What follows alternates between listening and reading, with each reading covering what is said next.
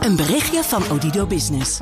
Hoe groot je bedrijf ook is of wordt, bij Odido Business zijn we er voor je. Met unlimited data en bellen en met supersnel en stabiel zakelijk internet. Ook via glasvezel. Ontdek wat er allemaal kan op odido.nl/slash business. Het kan ook zo. Hi, vandaag krijg je van ons een extra aflevering van Studio Den Haag. Een debat dat is opgenomen in Nieuwsport in het kader van de Provinciale Statenverkiezingen. Het is de eerste van in totaal drie debatten. En dat eerste debat staat in het teken van een thema waar we natuurlijk niet omheen kunnen: stikstof. Het debat wordt gepresenteerd door onze eigen Sophie van Leeuwen. Welkom allemaal bij het grote stikstofdebat. Het debat voor de Provinciale Staten 2023. Hier in Nieuwspoort, leuk dat jullie er allemaal zijn en ook de kijkers thuis. Um, het worden historische verkiezingen eigenlijk, want nog nooit stond er zoveel op het spel, juist in die provincie waar wij voor stemmen op 15 maart. Um, we hebben drie debatten in Nieuwsport voor jullie gereserveerd. Uh, volgende keer doen we wonen. Vandaag de stikstof. Wonen op 13 februari. Daar zijn nog een paar kaarten. En gezondheidszorg op 27 februari. Dus zet die in je agenda. Vandaag gaat het alleen maar over stikstof. En um, dat doen wij dankzij Nieuwsport. Heel veel dank. En het Montesquieu Instituut die hierbij uh, samenwerken. Ik ben Sofie van Leeuwen van BNR en ik presenteer dus dit debat. We gaan het hebben over oplossingen, over hoe komen we uit dat moeras, dat bestuurlijke moeras dat de provincie heet. Uh, het is niet een klassiek politiek debat met wel eens en niet eens. We proberen echt uh, hier uit te komen uit dit moeras. En dat doen we onder meer samen met uit de provincie Jeannette Balieu van de VVD. Welkom. Dankjewel statenlid. Uh, aan de andere kant. Oh, sorry, gedeputeerde. Ja. Ik weet niet eens wat, hoe de provincie werkt. Ga je, je allemaal uitleggen? Ga ik allemaal uitleggen. ja. Caroline van der Plas van de Boer-Burgerbeweging. Tweede Kamer, ook welkom. Leuk dat je er bent, uh, net aankomen racen in de auto. We hebben uh, natuurlijk van de wetenschap meneer professor Leen Hoordijk. Ook wel bekend van de commissie Hoordijk. Ja. Mag je straks uitleggen? Ja, hij heeft een langere naam, maar uh, Hoordijk is korter. En ook emeritus hoogleraar Wageningen, ja. milieuwetenschapper. Uh, collega Leendert Beekman heeft jarenlang bij de provincie gewerkt als verslaggever. En weet als geen ander hoe hard je weg moet rennen uit het natuurlijke moeras. Dat heeft hij ook gedaan, want hij werkt nu voor BNR. Ja. Welkom allemaal. En ook welkom aan de zaal en de mensen thuis. Uh, ik wilde beginnen eigenlijk met toch die historische verkiezingen waar we voor staan op 15 maart. Daarom zijn we hier. Uh, die provincie Leen, je hebt er rondgelopen. Even een korte anekdote. Hoe werkt het nou ja, eigenlijk? Nou, ik weet niet hoe het werkt. Ja, Jeannette, wij kennen elkaar nog uit de tijd. Ik mag uh, Jeannette zeggen. Ja, ja, uit de tijd van, uh, dat ik provincieverslaggever was. Bij de provincie Zuid-Holland voor Omroep West. Ja, de provincie is niet het meest een, de meest enerverende bestuurslaag in Nederland, moet ik zeggen. Ik heb bij de gemeente gewerkt. Je kijkt teleurgesteld en hier natuurlijk nu in Den Haag. Maar het was veel kletsen. Vijf jaar geleden waren de onderwerpen ook niet zo spannend. We spraken toen wel, want we hebben het hier zo meteen over de uh, habitat- en vogelrichtlijn. De vogel- en habitatrichtlijn. Daar werd toen ook over gesproken. Ja, zeker. Alleen dan ging het over de weidevogels. Oh. En de vos. En moeten we die wel of niet afschieten? En wat doen we met het uh, maaiseizoen? Zodat uh, de vogeltjes niet net nadat ze geboren zijn gelijk een kopje kleiner worden gemaakt. Maar nu gaat Daar ging het, het toen over. Ja, nu gaat het wel en ergens het. Wordt hoe historisch wordt het? Ja, dit worden wel hele bijzondere verkiezingen, want het gaat nu echt ergens over bij de provincie. Waar vier jaar geleden we dachten van, nou, wat doet de provincie? Waar gaan ze eigenlijk over? Nou, ze gaan vooral over ruimtelijke ordening. Zo is het. En ruimtelijke ordening staat nu op drie punten uh, hoog op de agenda. Stikstof, wonen en de energietransitie. En er valt dit keer echt iets te kiezen. En we hebben afgelopen vrijdag vanuit de VVD een stuk moeten lezen in, het, uh, in de Telegraaf. En dan ging het toch echt over landelijke politiek, de Eerste Kamer, machtspolitiek. Maar we kunnen het dit keer hebben over wezenlijke onderwerpen. Dus mijn pleidooi is ook laten we dat doen voor de provincie. Heel mooi, want het speelt veel, ja. Stem op de provincie. Uh, Zuid-Holland dus, Jeannette Balieu. Uh, hoe historisch is het volgens u? Nou, het is inderdaad waar dat uh, alle onderwerpen die nu in het landsbelang aan de orde zijn, dat, uh, dat die allemaal naar de provincie, sommigen zeggen, over de schutting gekieperd zijn.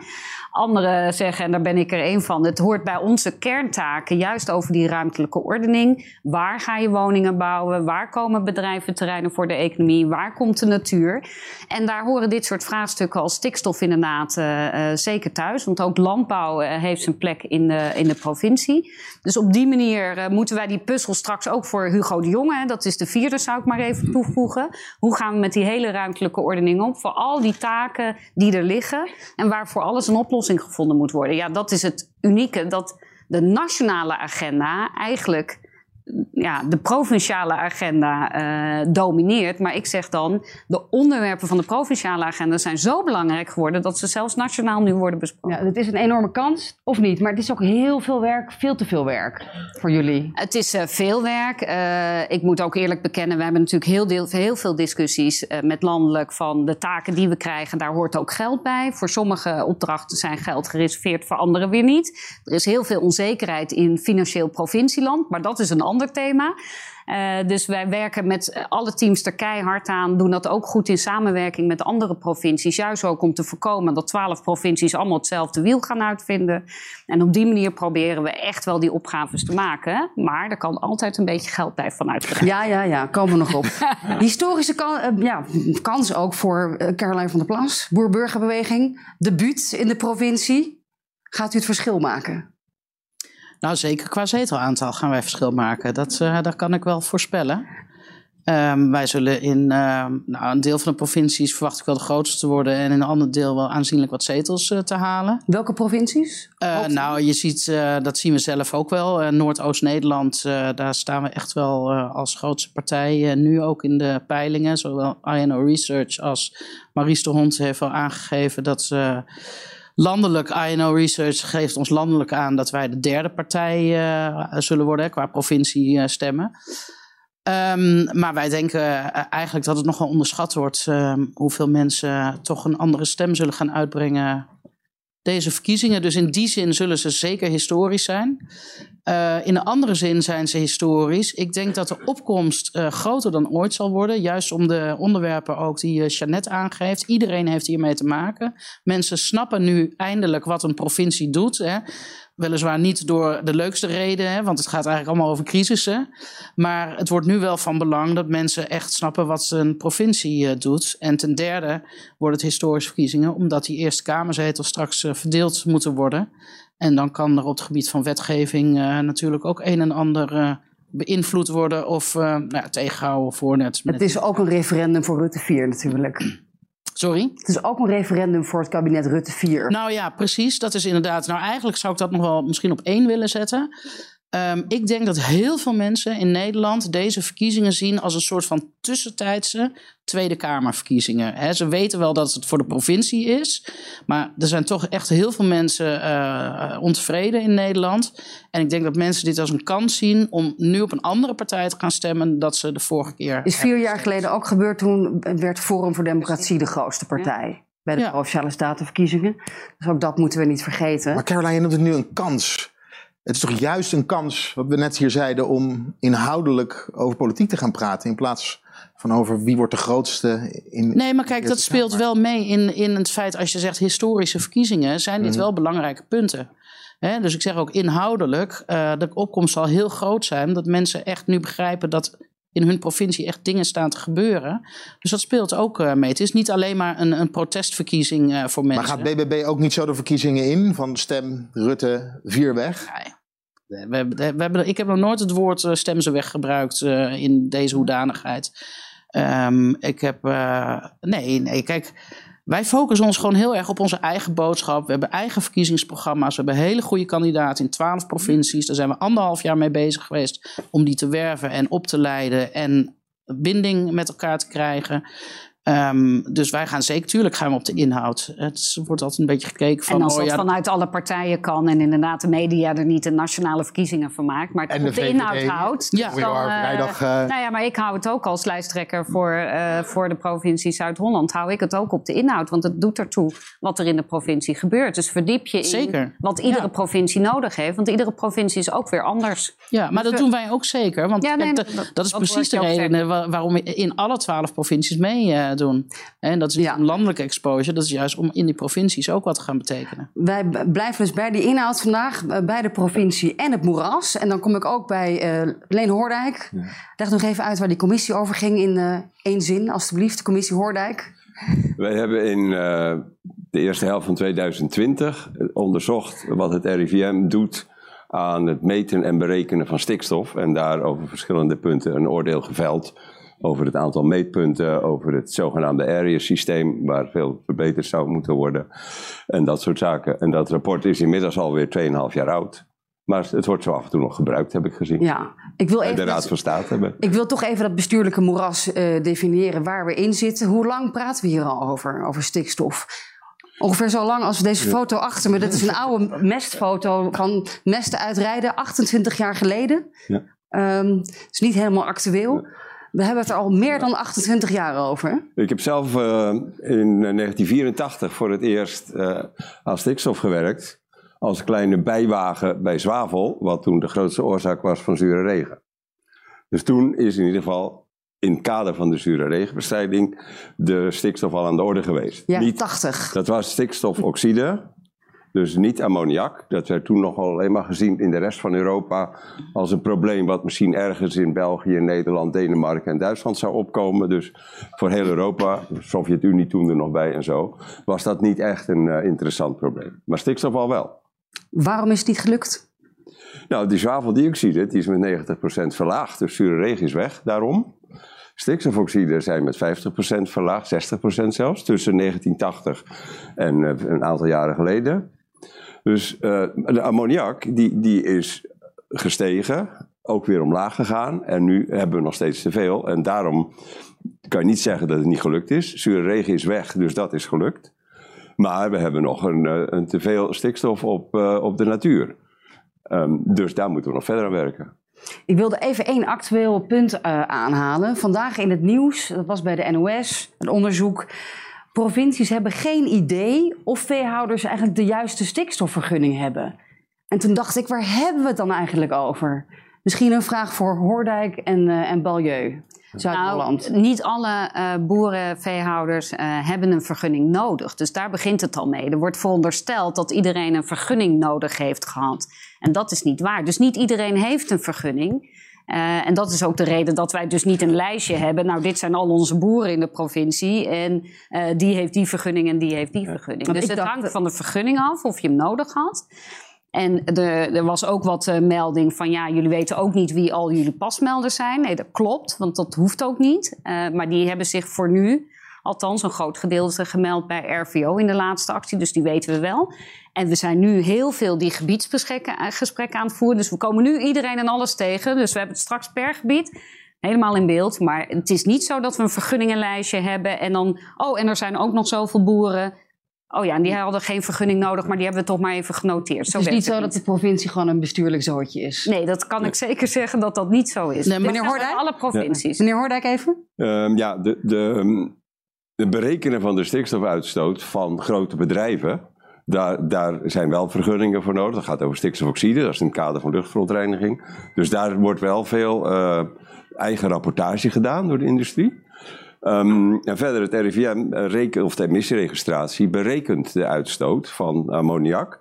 Naar aanleiding van uh, ja, de beschrijving van een boerderij. Hoeveel koeien zijn er, wat voor stal is er, wordt er veel uh, buiten gelopen of is het bijna altijd binnen en al dat soort dingen. Dat zijn standaardfactoren.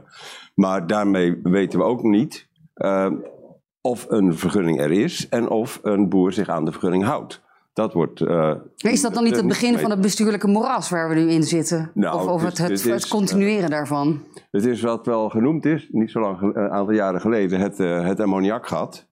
Want dan de, dat betekent dat uit de berekeningen, nee, uit de metingen, kwam een, een, een hogere depositie van stikstof dan uit de berekeningen.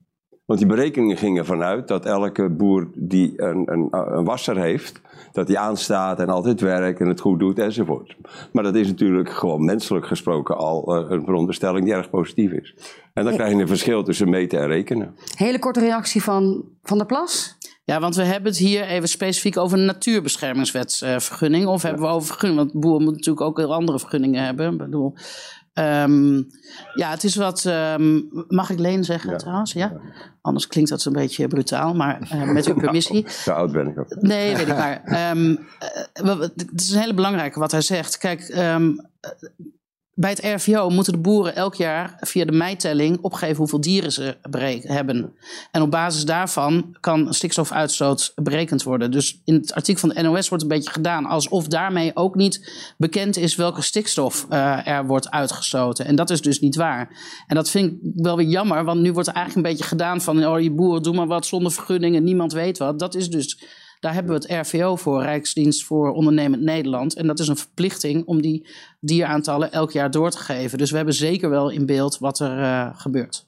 Oké, want dat bestuurlijke moeras nog even Leendert. Jij hebt dus jarenlang bij die provincie gezeten. Is de provincie niet soms ook juist het probleem? Ja, zeker. Waar we nu dat, 30, 40 jaar lang al in zitten. Er wordt heel veel gekletst in de provincie. Het is een beetje het senaat van, uh, al wel Hier ook trouwens. uh, het zijn wat oudere... Dacht ik een vriend te hebben, maar nee hoor, dat gaat helemaal de verkeerde kant op. nee, maar in de Provinciale Staten zitten wat oudere mensen. Er wordt, oh, wordt niet... uitgebreid wordt er, uh, wordt er gedebatteerd. Dat wel. En voordat er een besluit genomen wordt, ja, Dan, ben je wel eventjes, dan ben je wel even zoet wordt veel beleidsstukken worden er geschreven. Het lijkt wel of dat een doel op zich is in plaats van besluiten nemen. En dat zag ik wel als een probleem bij de, bij de provincie. Uh, ik heb nog niks gehoord wat ik niet ook bij een gemeente heb gezien en wat, nog niet, uh, wat ook niet bij het Rijk zou uh, Nee, dat klopt ook wel, maar bij de... Bij de... Maar het, kijk, kunt u het moeras definiëren? Nee, dat kan is het... wel een probleem volgens mij. De nee, maar het moeras zit wel in de inhoud. Het zit op de ingewikkeldheid en de complexiteit van de vraagstukken. En niet op de wil van provincies om iets op te lossen. Want die is wel degelijk aanwezig. Alle provincies zijn hard bezig om hier een oplossing voor te zoeken. En ik snap dat er wordt gezegd, ja, beleidstukken en dan weer, uh, uh, nou ja, dat zijn de democratische. Ik zeg altijd, ik ben blij dat we in een democratie uh, leven. want dat, dat proces mag moet je wel door. Mag ik een voorbeeld maar geven? Maar het moeras zit heel erg in de complexiteit van de in mijn tijd volgde ik de Rijnlandroute. Ja. Wordt nu aangelegd. Ja. 30 jaar over gepraat voordat er een schop de grond in ging. Ja, klopt. Nou, dat is voor mij de provincie. Ja, ik ben wethouder Rotterdam geweest. Ik heb 40 jaar over het besluit A4 Midden-Delfland uh, of een A13, A16 is er gegaan. Het was toch echt een rijksweg. Dus ik ben het met je eens dat er sommige dingen heel lang duren. Maar dat duurt in heel bestuurlijk Nederland lang. En daar willen we ook met z'n allen vanaf. Laat ik vooropstellen dat niemand erop zit te wachten dat sommige procedures zo lang duren. En dan is het ook nog, is er draagvlak? Hoe gaan we de gesprekken in? En wat je nu ziet met stikstof, is dat in 2019 kwam natuurlijk die uitspraak van de Raad van State. Toen moesten we eerst met z'n allen begrijpen en, en wat, wat hield het dan ook alweer allemaal in en welke diepte en hoe zat dat nou met al die systemen en berekeningen. Dus dat heeft tijd gekost. We hadden geld nodig. Nou, gelukkig heeft dit kabinet dat opgelost. Er is in ieder geval geld. Maar nu is het belangrijk om dat juist vanuit draagvlak te doen in de gebieden. En daarom zegt iedere, iedere provincie ook: laat ons nou gebiedsprocessen doen.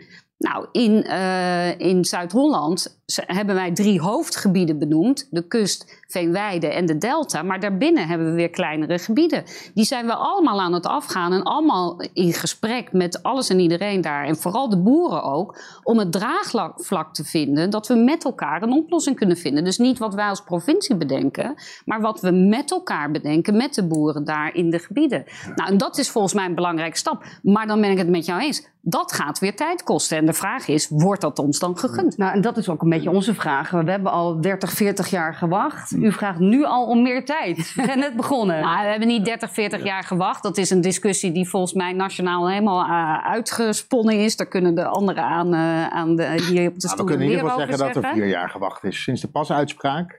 Dat, maar ja, dat, dat in alle eerlijkheid, we hadden ook graag gezien dat we eerder oplossingen vinden. Maar dat, dat, dat is die complexiteit van de regelgeving. Want iedere keer als we dachten oké, we kunnen deze stap maken. Dan kwam er weer een rechtszaak en dan bleek er weer een andere uh, lijn in te moeten gaan. En ik denk dat dat ook de reden is, nou ik weet wel zeker, dat de minister zegt, ja we moeten echt wel een aantal dingen nu laten zien dat we dat doen. Dus aan de ene kant dat we echt voor die natuur ook gaan. Maar aan de andere kant zitten we ook met elkaar dat we echt zeggen: boeren hebben een thuis in Nederland. Het is voor ons een belangrijke sector. En het is belangrijk dat we. Uh, het, het, is het samenhang vaak in het landelijk gebied. Dus we willen met hun een oplossing zoeken. Maar gaat en dat kan vaak via innovatie. Gaat u het dit jaar regelen? Gaat u het nou, nu wij, wij moeten plannen inleveren in juli. Daar zijn we allemaal als provincies heel hard mee bezig. Daar gaan we zo stinkende best voor doen. Want we moeten aangeven dat het redelijk is dat wij een bepaald aantal reductie halen. Maar de uitvoering daarvan, hoe we dan in een gebied en op welke manier... en ook meteen met de watervragen en allerlei andere vragen dat dat langer duurt om dan uiteindelijk met de boeren helemaal uit te onderhandelen. We zijn nergens in geen één gebied op juli klaar tot op het laatste ding wat we dan hebben uitgesproken. Het gaat erom, kunnen wij redelijkerwijs een plan neerleggen hoe we denken dat we die reductie kunnen bewerkstelligen. En daar is iedereen heel hard mee bezig. En u zei net ook, we hebben meer geld nodig. Is dat verkiezingsretoriek? Nou, dat, kijk, ik was al blij dat er nu geld is. Hè, dus er is een groot fonds. Uh, laten we vooral aan de slag gaan. Laten we al onze plannen maken. En vooral ook, ik zeg altijd, het bonnetje bij, uh, uh, bij minister LNV neerleggen. Dat we dan ook echt geld ervoor krijgen. Maar dan kan het best zijn dat de optelsom om het uiteindelijk allemaal te halen... best nog wel wat geld nodig heeft. Maar laten we eerst die, wat is het, 25 miljard, miljard die er is, is met z'n allen gaan uitgeven. Want dat is veel belangrijker dat wij op een goede manier dat geld kunnen uitgeven. Dat we dat moeten verantwoorden als provincie, snap ik ook. Maar het lijkt nu soms weer allemaal in regeltjes en dichtgetikt te worden. Dat het voor ons ook moeilijk is om weer toegang tot dat geld te krijgen. Dus we, hebben, we vragen ook aan de Kamer enige flexibiliteit. Uh, maar dat heeft weer in de verantwoording van financiën te maken. Meneer Hoordijk wil reageren. Uh, ja, even een vraag. Zolang de minister niet heeft gedefinieerd wat piekbelasters zijn, kunnen jullie dan wel echt gesprekken voeren? Met, met, want misschien zit je met mensen aan tafel die misschien over, als, als ze zover is dat er een definitie is en dat er ook geregend is, dat je daar heel anders mee om moet gaan. Die definitie is heel belangrijk, hè? dus we hopen daar ook uh, in de komende tijd. Het wordt steeds uitgesteld. En ja, ik denk, als je het niet weet, dan lijkt het me zo moeilijk praten aan tafel. Nou, dat is niet helemaal waar, want we waren natuurlijk al begonnen in die gebieden. Uh, omdat we met de boeren gewoon echt goed het gesprek voeren. We hebben een bepaalde reductie voor de provincie te halen. En wat is er nou mogelijk bij jullie in het gebied? En als we in het gebied de gesprekken voeren, en daar, daar zijn de gemeentes ook druk mee bezig, die helpen ons daar goed bij. Dan zeggen sommige boeren die zeggen: Ik wil heel graag innoveren. En dan kunnen we berekenen wat dat aan reductie brengt. Sommige boeren zeggen: Ja, ik wil misschien wel stoppen. Dus ik wacht tot er een regeling van het Rijk is die duidelijkheid daarin geeft. Maar wellicht wil ik wel stoppen. Dan kunnen we dat ook al noteren: van nou, deze wil misschien wel stoppen. Zo hebben we op zich wel een beeld met, als we straks al die gebieden door zijn, met hoe dat bij elkaar optelt en of wij dan tot onze opgave kunnen komen. Geldt dat ook voor de, de niet-boeren, de andere Wij kijken ook naar alle andere sectoren. En we hebben hier in, eh, in Zuid-Holland natuurlijk een Rotterdamse haven. we weten dat er ook een opgave voor de industrie is, die mee gaat lopen met de klimaatdoelstelling. Dus wij kijken echt, en ik, ik zit aan een sector, ik heb de sectortafel van de provincie, waar alle sectoren vertegenwoordigd zijn. Dus uh, ook Bouwend Nederland zit daar aan tafel, transport zit er aan tafel. Uh, dus wij praten met iedereen. En we weten nu wel dat we vooral het eerste om het draagvlak in onze landelijke gebieden te krijgen, want die heeft Zuid-Holland ook, dat we daar echt met de boeren ook eerst moeten spreken. Hoe zie jij je toekomst? En wat het nog soms moeilijker maakt, is dat we misschien stikstof in een veenweidegebied nog wel op kunnen lossen.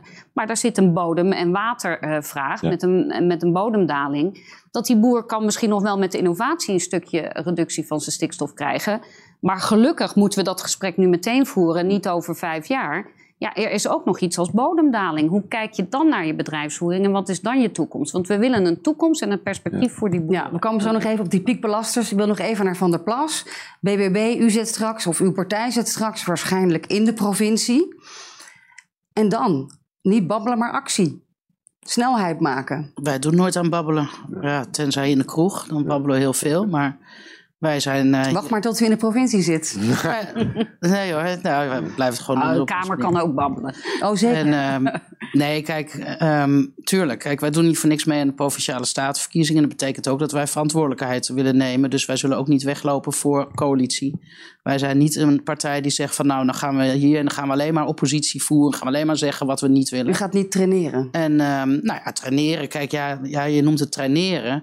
Je moet gewoon heel goed kijken wat is haalbaar en wat is mogelijk. Hè? En dan geeft je net ook uh, heel duidelijk aan. Kijk, er wordt ook 30 jaar gedaan over een Rijnlandroute, ik noem maar wat. Of over een, een, een snelweg. We hebben allemaal tijd nodig. En dan kun je allemaal zeggen, hè, misschien wel te veel tijd nodig. Maar hier moet ineens binnen een half jaar alles geregeld zijn. Dat is gewoon niet haalbaar. Dat is ook niet haalbaar voor provincies. Ik vind ook niet dat je dat op het bord kan leggen van de provincies. Jullie moeten dat gaan doen. Hè? En uh, voor 1 juli, en dan gaan we ook alweer praten over. Uh, nou, dat, wist, dat wisten we in juni vorig jaar al. Hè? Dat jullie. Zijn we hard mee bezig? Ja, maar we praten over een jaar hier. En dan kunnen we zeggen, ja, we zijn al 40 jaar bezig. Nee, we zijn niet 40 jaar bezig.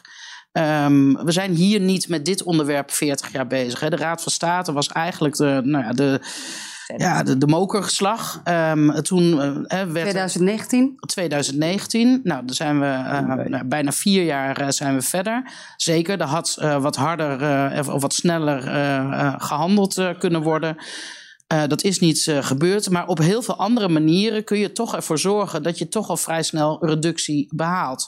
He, je kunt het hebben over bedrijfsverplaatsing, je kunt het hebben over een andere bedrijfsvoering, je kunt het hebben over innovatie. Ik hoor je net zeggen, een heleboel, een heleboel boeren willen innoveren. Een heleboel boeren zijn aan het innoveren, al, hebben al, ik, al heel straks, lang. Ja, en waar die op zitten te wachten is op juridische borging, want dat is waar het om gaat. Ik wil straks even naar de oplossingen, maar ik wilde nog even toch dat moeras of de definitie oh. daarvan afsluiten. sorry hoor. Ik krijg nog genoeg tijd. nog tijd. Maar wel. Leendert, hoe desastreus is het als we vast blijven zitten in dit moeras? Nou, nu denk ik vrij groot. Als er op 1 juli zometeen geen gebiedsgerichte aanpak ligt vanuit de verschillende provincies, dan is er wel echt een probleem. En, dat gaan we niet halen, hoor ik net. Nou ja, de, de vraag is een beetje hoe gaat het met het landbouwakkoord? Ik was bij een, eh, een, een de informatieavond van Agractie vorige week.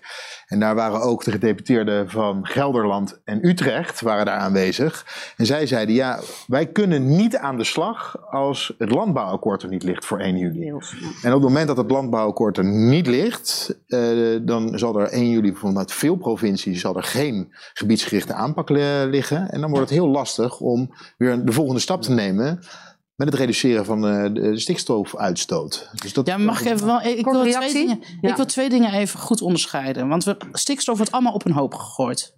Er moet stikstof gereduceerd worden. En we hebben NOx, dat is wat mhm. uit verkeer en uh, industrie en luchtvaart komt. En we hebben ammoniak. En ik vind het heel vervelend dat steeds van ja, we moeten stikstof gereduceerd worden en we moeten met die boeren gaan praten.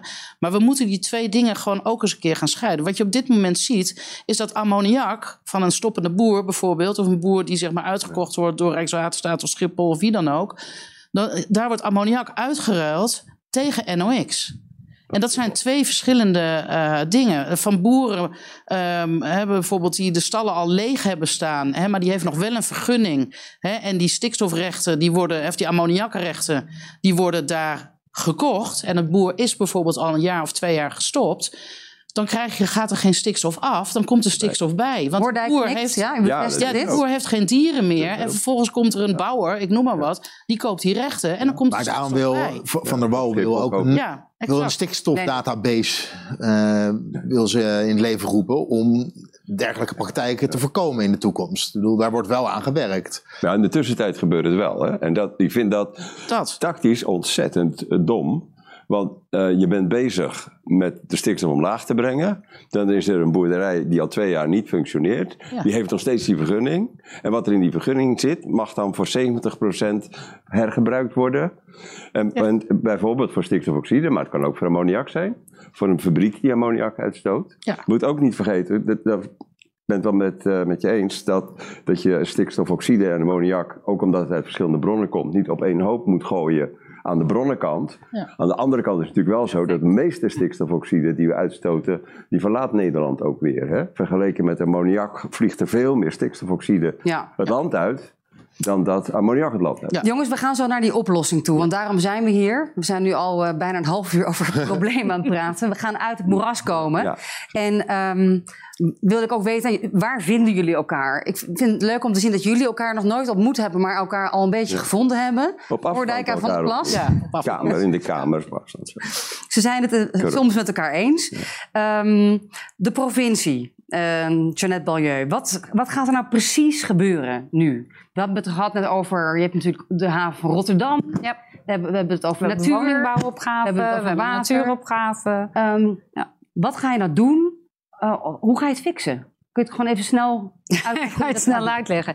Nou, de, wat is de oplossing? Wat is de oplossing? Kijk, wij, wij kijken echt, uh, want er is nou eenmaal landbouw is een grote opgave. Dus ja, industrie gaat reduceren, want die krijgen die opgave mee vanuit landelijk als er CO2 gereduceerd Dus die brief over de piekbelasters, hè, de industrie, die, die is uitgesteld, die komt over een paar weken. Ja, maar er, wordt, er wordt al, ik, ik, ben zelf bij een ondertekening geweest, er wordt al met grote industriepartijen gesproken en, en intentieverklaringen afgesloten met de minister van Economische Zaken dat ze CO2-reductie doen, maar dat is de reden waarom ik ook mee wilde tekenen. Er staat ook dat ze aan stikstofreductie gaan doen.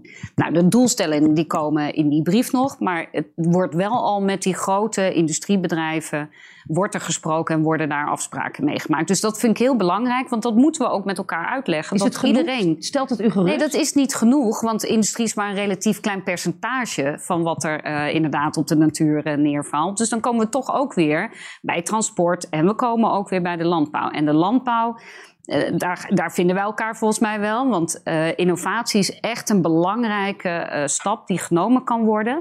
En er zijn echt steeds meer systemen die zo zwaar gecontroleerd worden en gemonitord worden. Dat, er, nou ja, dat als je daar nu de juridische basis aan geeft. Hè, dus dat betekent dat ze gecertificeerd moeten worden. Nou, sommige systemen kunnen echt enorme reducties brengen. Bij wijze van spreken iets, ik, hè, 60% heb ik wel eens iets gezegd. Hè, dus aan uitstoot. Nou, dat zijn de, uh, de of de JLZ.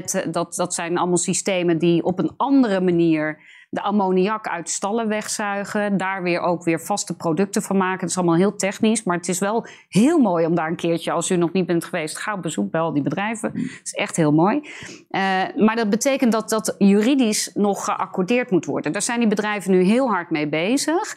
En ik zeg dan steeds, weet je, als wij in die gebieden en een boer zou naar zo'n systeem willen als het niet 50% of 60% reductie is, maar als we al kunnen rekenen met 30%, even in de gesprekken die we nu aan het voeren zijn, ja, dan is het alleen maar mooi als het nog meer wordt. Hè? Dus, maar laten we zorgen, uh, er zijn genoeg proefopstellingen nu al, waar dus op getest wordt om die uh, juridische hardheid te krijgen. Maar laten we zorgen dat die innovaties ook echt oprecht een kans uh, krijgen. En er wordt heel veel gesproken in de politieke lijnen vanuit boeren moeten stoppen. Maar uh, nou ja, volgens mij heeft Remkes dat ook in zijn rapport gezegd. En wij hebben het ook uh, in de Staten besproken. als je het innovatieladdertje uh, doet, dan, dan kijk je ook als eerste naar innovatie. Wat kan een boer die door wil gaan, wat kan die doen? En dat kan niet in alle gebieden, zeg ik er dan meteen bij. En dat, weet, dat gesprek hebben we ook met de boeren. Als je echt midden in een Natura 2000 gebied zit, nou, dan wordt zelfs innovatie wordt een hele lastige. Gelderse Verlei wordt lastig. Ja, maar er zitten, de, de vraag is waar die boeren daar zitten die de meeste uitstoot geven. Die zitten volgens mij ook niet direct in dat gebied, maar die zitten eromheen. Je krijgt wel een vraagstuk van waar zit het eromheen en, en, en hoe gaan we daarmee om? Sommigen kunnen verplaatsen, willen ook verplaatsen. Zeggen dan kan ik ergens anders beginnen. hebben wij ook al gedaan in Zuid-Holland, dat we een verplaatsing hebben kunnen faciliteren. Want dat doen we allemaal maar, omdat we, nou ja, los, hè, omdat we dat geld nog niet hebben. Wij willen door, dus wij zijn dit alvast. Maar u loopt heel hard over het woord woordje stoppen heen. Ik weet dat het niet populair nou ja, is. In die maar dat, end, dat, hoort ook bij een plan, Nee, maar in die end, nee, maar dat is de laatste stap. Hè? Dus je, je kijkt eerst, kunnen we wat met innovatie? Kunnen we wat met verplaatsen? En is het iemand die in een gebied zit die echt in zo'n Natura 2000 gebied zit, ja, dan wordt het heel erg ingewikkeld. Sommigen willen al vrijwillig stoppen. En dan zou het best kunnen zijn dat er ook nog boeren zijn die op de, echt op de verkeerde plek zitten, die je dan uiteindelijk zal moeten uitkopen. Wat een instrument is, wat de provincies sowieso al hebben. Ja, maar dat moet eerst vastgesteld worden. Maar dat, zo op de verkeerde plek zitten. Het want het gaat erom of het, het natuurgebied, of het natuurgebied in orde is. Ja, klopt. Daar gaat het om. Want er wordt nu al gewoon gedacht, iedereen die bij een natuurgebied, bij Natura 2000 gebied zit, die zou weg moeten. Maar nou, de Duin- en Bollenstreek bijvoorbeeld, heeft het Planbureau voor de Leefomgeving ook gezegd, laten zien aan ons, de Kamer.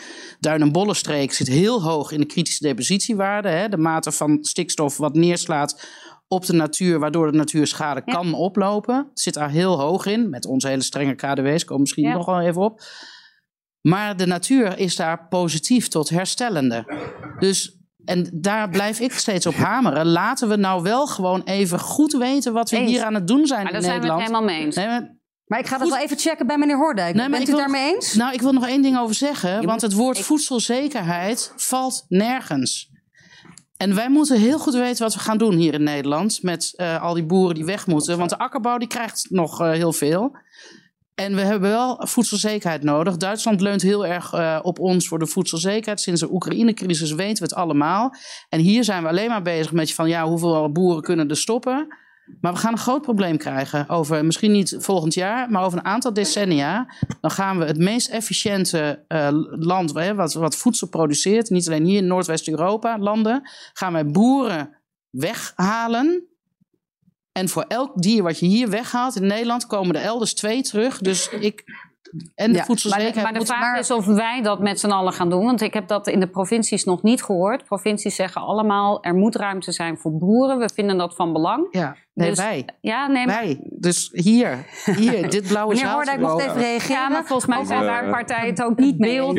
Rondom Natura, Natura 2000, hè, dat daar eigenlijk niks meer kan. Dat is een beetje het beeld wat we hebben. Nou ja, is dat nou juist of niet? De, de overheid heeft het in een wet gezet. En daar heb ik al eerder iets over gezegd.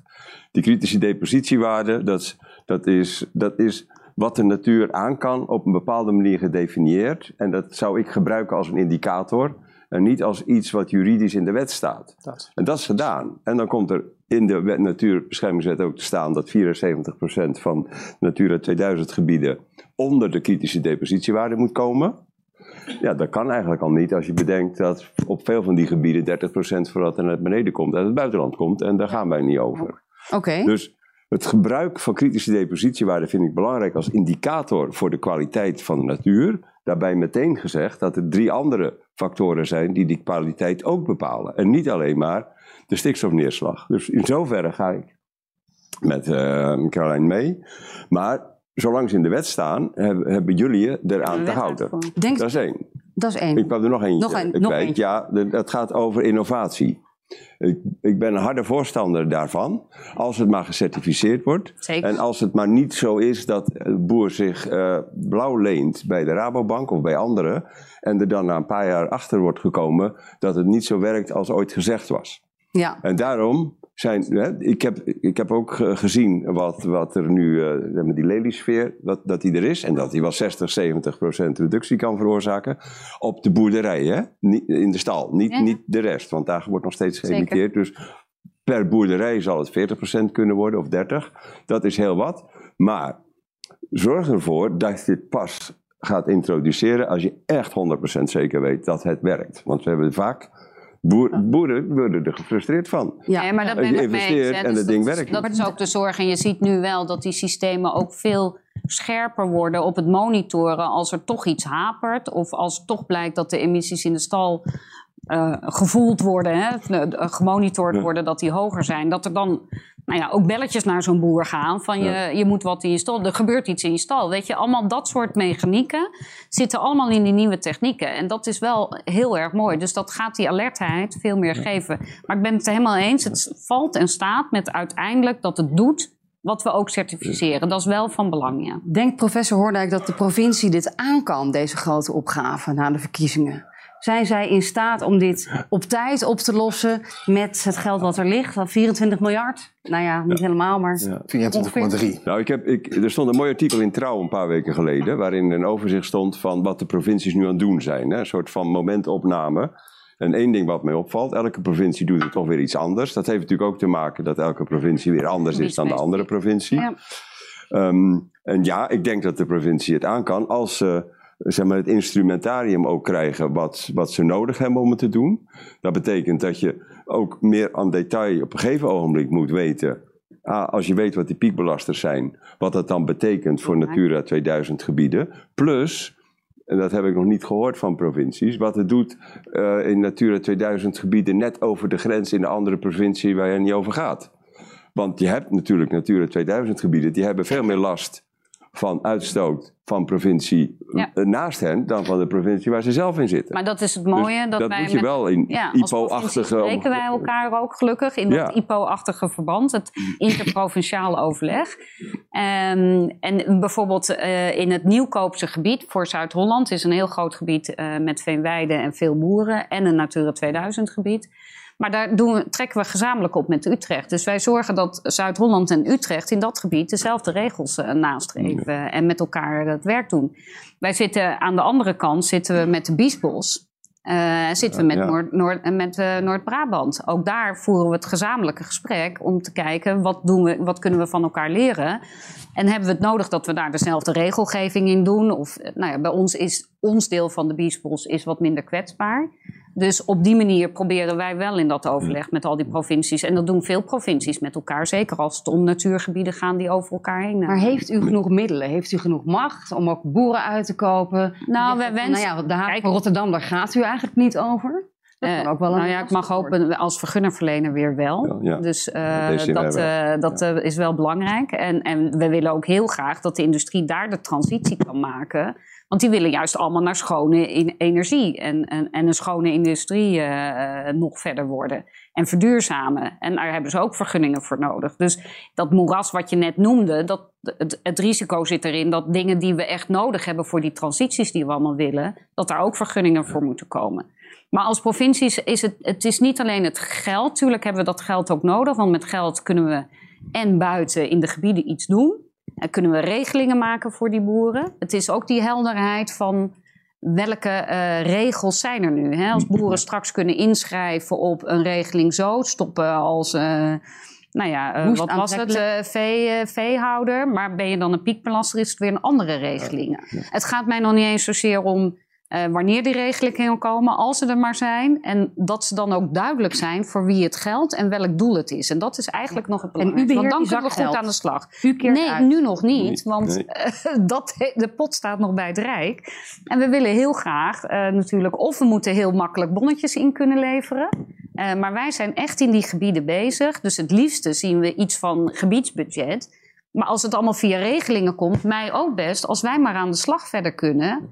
Want we weten steeds meer wat er in die gebieden kan. En daar hebben we dat geld bij nodig. Misschien moeten we nog even naar... Ook Innovatiebudget zou ook heel fijn Het risico van het landbouwakkoord, mevrouw van der Plas. Uh, ja, dat ligt er nog niet. Uh, is dat nou uh, iets wat enorme roet in het eten kan gooien? Uh, zeker, want kijk, het landbouwakkoord, ik hoor je de hele tijd, we hebben het hier de hele tijd over stoppen van boeren, maar we moeten dat omdraaien. We, we hebben het amper gehad over ja, stoppen met van boeren. Nee, nee, nee. Dat is juist, ik wil, ik wil het inbreken. Het probleem is dat we het niet hebben over het stoppen van boeren. En ik, het is natuurlijk heel, het is heel onhandig dat er nu nog geen uitkoopregeling ligt. Hè? En vanaf 1 april zou dat moeten gaan gebeuren. Ja, ik zie Caroline al nee. Nou ja, ik was maar in de zin. Dus ja, maar de, ik pak hem even helemaal van je over, Caroline. Want oh, laten we nou eens... Ja, want we hebben het over innoveren. En dat is allemaal over toekomstplannen. Maar we moeten, de provincie moet dat ook een korte tijd grote stappen zetten. Zeker. De piekbelasters gaat de provincie niet over. Ja, dat, komt, dat beleid, volgende week vrijdag komt de brief vanuit het kabinet om te kijken hoe er met de piekbelasters omgegaan wordt. De provincie moet. de definitie ervan en niet wie het. Ja, maar dan alsnog zal de provincie niet de besluiten nemen over de piekbelasters. En als je het PBL-rapport neemt van vorig jaar, begin oktober, ja. dan staat daarin dat er vijf van de, van de boeren die 55 plus zijn, dat 20% van de varkenshouders wil stoppen en 25% van de melkveehouders. Dat zijn over het algemeen de minst innovatieve bedrijven. Dus daar wordt, en geen hè, opvolgers. Daar, daar wordt geen opvolgers. Dat, kan jij dat uh, hard maken dat het zo is? Want ik ken namelijk uh, heel veel bedrijven die heel innovatief zijn, die heel veel geïnvesteerd zijn, hebben, die even los van de, de boeren die geen opvolger hebben, en minst innovatief zijn. Die mensen hebben gewoon gedaan wat wij van ze vroegen. Ze hebben gewoon voedsel gemaakt. En een heel groot deel van de boeren, die heel veel heeft geïnvesteerd en met innovaties bezig is geweest, die heeft er gewoon helemaal te bak van. Die zegt, weet je, ik kap er gewoon mee. Ja, willen ze maar, maar, maar juist, hè, de boeren zonder opvolgers die willen stoppen. Dan hebben we het over zo'n 25% van de boeren. En er worden hogere getallen genoemd. Want de collega Drenthe uit uh, Gelderland kwam met 30 plus. Hè, meer dan 30%. Begin daarmee. Als er op 1 april die plusregeling er ligt, hè, die woest aantrekkelijke regeling. En je kan daar beginnen. En het Rijk is verantwoordelijk voor de uitkoop hè, van die piekbelasters. Daar hoef je als provincie niet mee te bemoeien. Dan heb je in ieder geval een start. Maar welke, in 2025 welke, kijk je verder. Hè? Welke woest aantrekkelijke regeling heb je het over? Welke is dat? Wat is die regeling? Er ligt nu geloof ik 120 procent. Maar 120 procent van voor het stikstofkaartje of na het stikstofkaartje? Nee, en dat is een, nee, maar dat is een groot verschil. Maar als we want maar goed, Caroline, nu gaan we weer in problemen. Nu ja, maar ik wil wel even mijn zin af, uh, afmaken, want dat is een heel essentiële. Want voor dat stikstofkaartje waren de bedrijven veel meer waard als na dat stikstofkaartje. Banken financieren niet meer Boeren kunnen geen kant op. De waarde is gewoon fors gedaald. Gaan we dan 120% na het stikstofkaartje doen? Dat is een fooi. Maar gaat, en dat moeten we ook bepalen. Welke 120? willen die boeren nou wel of niet uitgekocht worden dan? Jij zegt nou, ik, nu, nu zijn we een probleem aan denken, Caroline. Als er op nee, 1 dit april... Is de realiteit, ja, natuurlijk is het de realiteit, de realiteit. Maar bij LNV zeggen ze, het gaat niet om de economische waarde dat een bedrijf nu heeft. Want dat is inderdaad niet realistisch. het gaat erom, uh, het moet een, een, eerlijke regeling moet het worden. Ja, maar nu ga jij, maar nu. We weten helemaal niks. Maar Caroline, maar dat moeten we zo meteen op 1 april zien. En laten we er nou eens van uitgaan dat er daadwerkelijk een uitkoopregeling komt waarbij de boeren uh, recht gedaan wordt. Laten we daar even voor het gemak van uitgaan, omdat we in oplossingen willen denken, toch? Ja, ja, En op dat moment, als je dan gaat kijken als eerste, als provincie, wat gaan we doen met boeren die zelf willen stoppen? Uh, en als het echt zo'n 30% is van de boeren uh, op dit moment, hè, die, die, die, die, aan het bedrijf, dan ben je toch al een heel stuk Maar dat is wat we, BBB ook de hele tijd heeft gezegd als we al gaan uitkopen, maar wij willen eerst al het andere voordat je gaat uitkopen. Maar als je al gaat, als je al gaat uitkopen, focus je nou nu op die boeren die al willen stoppen. Dus een vrijwillige uitkoop, hè, er werd mij bij Jinek verweten dat ik er tegen was, gewoon volstrekt niet waar, heb ik nog nooit gezegd. Die vrijwillige uitkoop, als je daar kun je al een heleboel grote slagen uh, mee halen. En, um, dan kan je een enorme slag halen. Ja, nee, zeker. Maar dat is, ook niet, dat is ook niet wat wij niet willen. Kijk, ik heb gezegd, wij zijn tegen onteigenen. Tegen verplichte uitkoop. Zullen we ons altijd tegen verzetten. In een coalitieakkoord zullen we daar consensus over kunnen. Even vooropgesteld dat wij in een coalitie komen. Zullen we daar consensus over moeten krijgen. Krijgen we die niet, dit is een heel uh, principieel punt. Dan gaan wij niet in een coalitie zitten. Krijgen we die wel en uiteindelijk besluit het college van gedeputeerde staten van ja, we gaan toch wel aan meewerken. Kan ik je nu al vertellen, stappen wij eruit. Maar, nu, dat maar je bent... over duidelijkheid. Ik zal die Worden jullie een, eh, politiek probleem in de, in de provincie? mogen nee, wij? wij denken, wij denken met een, een realistisch oog. We hebben ook een initiatiefnota. Uh, nu toevallig vandaag is die officieel ingediend. Uh, ik heb een um, de ja, als ik even over de initiatiefnota nog had. Initiatiefnota gemaakt waardoor wij uh, op oplossingen hebben om Nederland van stikstof uh, af te halen. Er zijn drie, hele, eh, heel kort gezegd. Uh, de kritische depositiewaarde niet meer als resultaatverplichting, maar als indicator. Precies zoals de heer Hoordijk zegt. Um, het um, scheiden van NOx en, en ammoniak. Um, en voor zo, dan ben ik die derde even kwijt door alle opwinding. Kom zo nog wel op. Mag zo en, nog uh, ingeleverd worden. Dus nee, maar en daarmee, oh ja, en het verhogen van het aantal mol, hè, van naar één mol in gebieden waar al een uh, gegarandeerde teruggang is in stikstof over de laatste twaalf maanden. Als we dat doen, hè, die mol is uh, zeker belangrijk, dan kunnen en de pasmelders gelegaliseerd worden en dan kan de woningbouw weer van het slot en is Nederland gewoon van het stikstof. Baljeu wilde even reageren? Nou, ik wilde even de checkvraag doen. Want uh, kijk, volgens mij zijn we als provincies... willen wij heel graag die vrijwillige regeling. Hè? Dus dat, daar zitten we ook op te wachten, in die duidelijkheid van de regeling. Volgens mij zijn we daar wel over eens dat die duidelijkheid er moet komen. Maar het instrument van onteigening... en dat is echt, hè, bij alle provincies is dat de allerlaatste stap... Het instrument van de onteigening is gewoon een bestaand instrument bij de provincie. Als we ergens een weg aan moeten leggen, moet er soms ook onteigend worden. Als we uh, natuurgebieden die al zijn aangewezen moeten uh, verder moet er ook onteigend worden. Dus bent u tegen het instrument onteigening of is dat Hoe zit dat? Wij zijn als, als boeren onteigend worden vanwege uh, ofwel hè, de, het sturen op de reductie van vee in Nederland. Want ik heb hier heel sterk het idee dat er heel erg gestuurd wordt op gewoon uh, de, de veestapel met minimaal 30% uh, reduceren.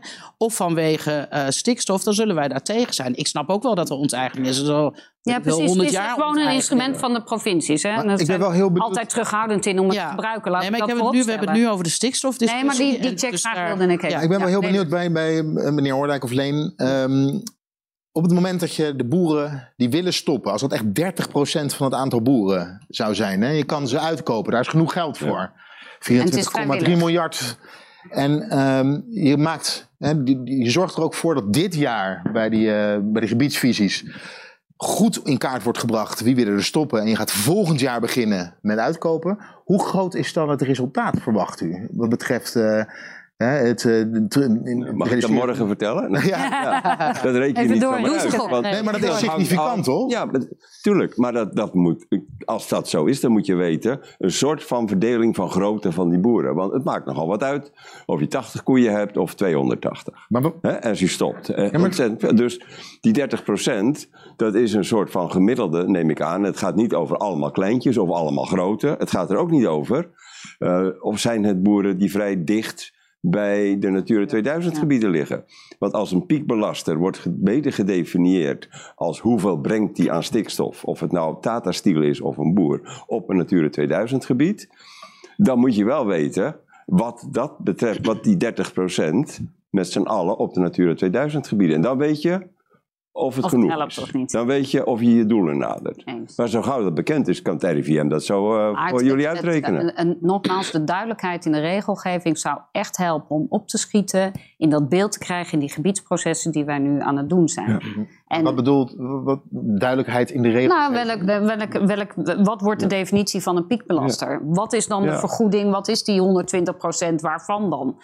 Maar de piekbelasters is geen probleem voor de provincie in principe. Dat, nou ja, wel in de zin van het. kijk, het maakt nogal uit. Het helpt alleen maar voor de provincie. Ja, dat mag ik hopen. Maar het maakt nogal uit of het de ene definitie is of een andere definitie. Je kan piekbelaster doen, hè, de aller, allergrootste de van het hele land. Of de grootste, grootste bron, dat kan je doen. Je kan de grootste depositie doen. Je kan ook zeggen. En dan, en dan komt het heel geconcentreerd ergens in, in Brabant en in Veluwe terecht waarschijnlijk. En met maar hier en daar nog wat in de andere provincies. Dat helpt de andere provincies dus niet zoveel. Helpt wel heel erg voor de natuur. Is een keuze.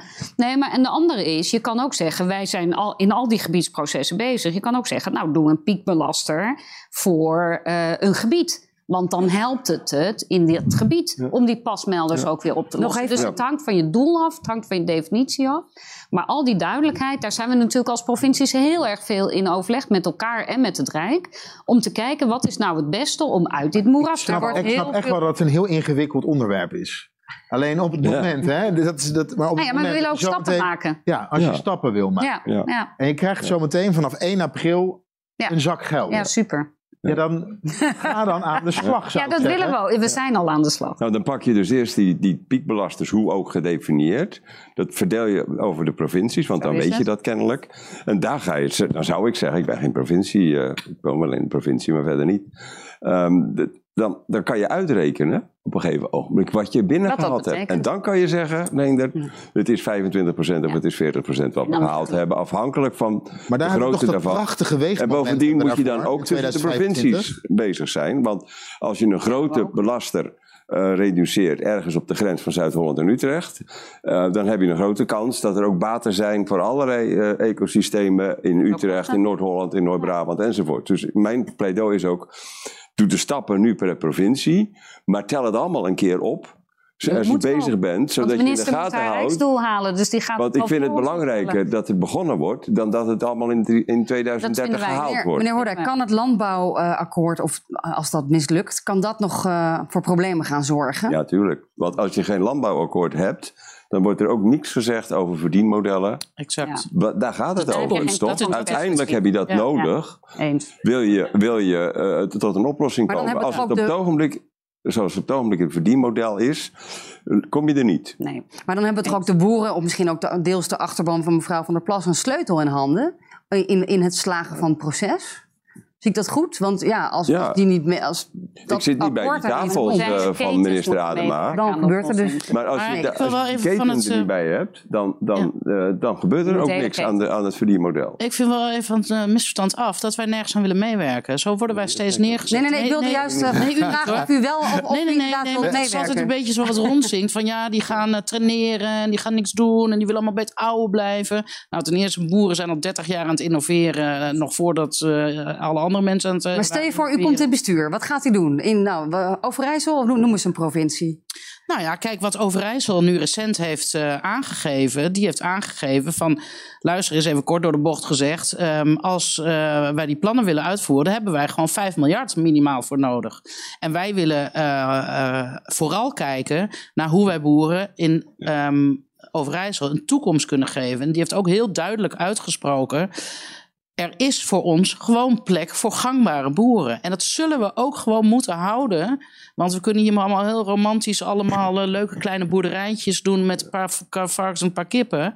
Maar um, er moet wel voedsel uh, geproduceerd worden. Dat is ook een beetje over Maar het is ja, de andere kant. Ook, het is, uh, er zijn gelukkig, er zijn gelukkig ook partijen die ook willen dat de boeren gewoon in het land blijven. Dus, maar nee, maar ik, ik, kijk, ik verwijt niemand iets. Ja. Ik verwijt niet. Ik zeg nee, niet, maar het is anders al helemaal wij. Ja, wil dat niet. Meerdere. Nee, ja, goed, het zou ook fijn zijn als ik af en toe een zin mag afmaken. Dat zeg ik helemaal niet. Ik, ik, geef partijen daar helemaal niet van de schuld. Ik kijk gewoon naar wat er nu op dit moment aan de hand is. Dus er moet meer geld bij, zegt u. En er is meer tijd nodig. Er is zeker meer tijd nodig. En het, ik vind het heel erg onverstandig dat we uh, 2030, uh, nou ja, 2035 hè, voor het behalen van stikstofdoelen, dat staat nu uh, in de wet en dat wil uh, dit kabinet weer naar voren halen. Nou, we weten wat het allemaal betekent als wij zelf als Nederland eigenhandig hè, nog strenger en nog eerder, we weten wat het allemaal wettelijk en juridisch kan betekenen. Ja, ik vind het heel erg onverstandig, want uh, dat ga je misschien niet halen. En dan, uh, nou, de rij eh, staat hier alweer uh, bij de Raad van State klaar ja. om processen te gaan, gaan voeren. Mevrouw Balieu van de VVD Zuid-Holland. U heeft ook meer tijd nodig, zei u net. Misschien kunt u elkaar in het midden vinden. Nou, kijk, we hebben gezegd, we moeten, uh, jullie moeten we opleveren uh, wat we denken aan reductie te doen. En de vraag was, gaat u dat halen? Wij hebben gezegd, nou ja, je moet het plan en de berekening moet je kunnen doen. Maar die uitvoering gaat nog heel lang duren. En daar komen ook andere vraagstukken als water, et cetera, bij. Dat gaat tijd uh, nemen. Maar dan hebben we het gaan we dan redden naar 2030? Kijk, dat, dat is wel een beetje het dilemma. Het wordt super krap. dat is echt nog wel even uitzoeken. En dan hangt het er ook weer vanaf hoe snel hebben we die duidelijkheid. Want dat helpt allemaal mee. Dus wij willen echt wel in Zuid-Holland streven naar die 2030 als het kabinet dat ook echt in gaat stellen.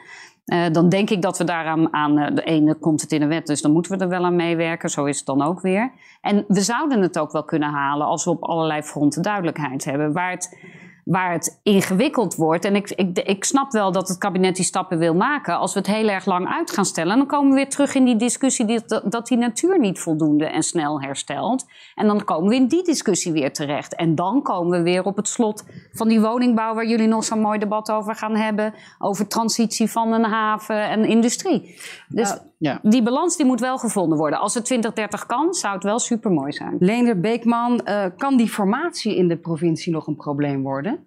Want dat is ook nog een dingetje. Je moet wel weer snel een nieuw bestuur kunnen, nou, ja, ik vinden na de, de, verkiezingen van 15 maart. En voor 1 juli kan je wel aan de gebiedsgerichte aanpak blijven werken. Ook als je demissionair bent. Ja hoor.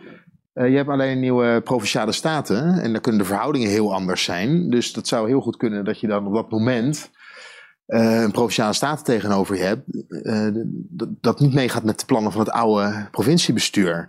Maar ik vind, ja, een nieuwe, een nieuwe coalitie moet daar dan misschien verder mee gaan.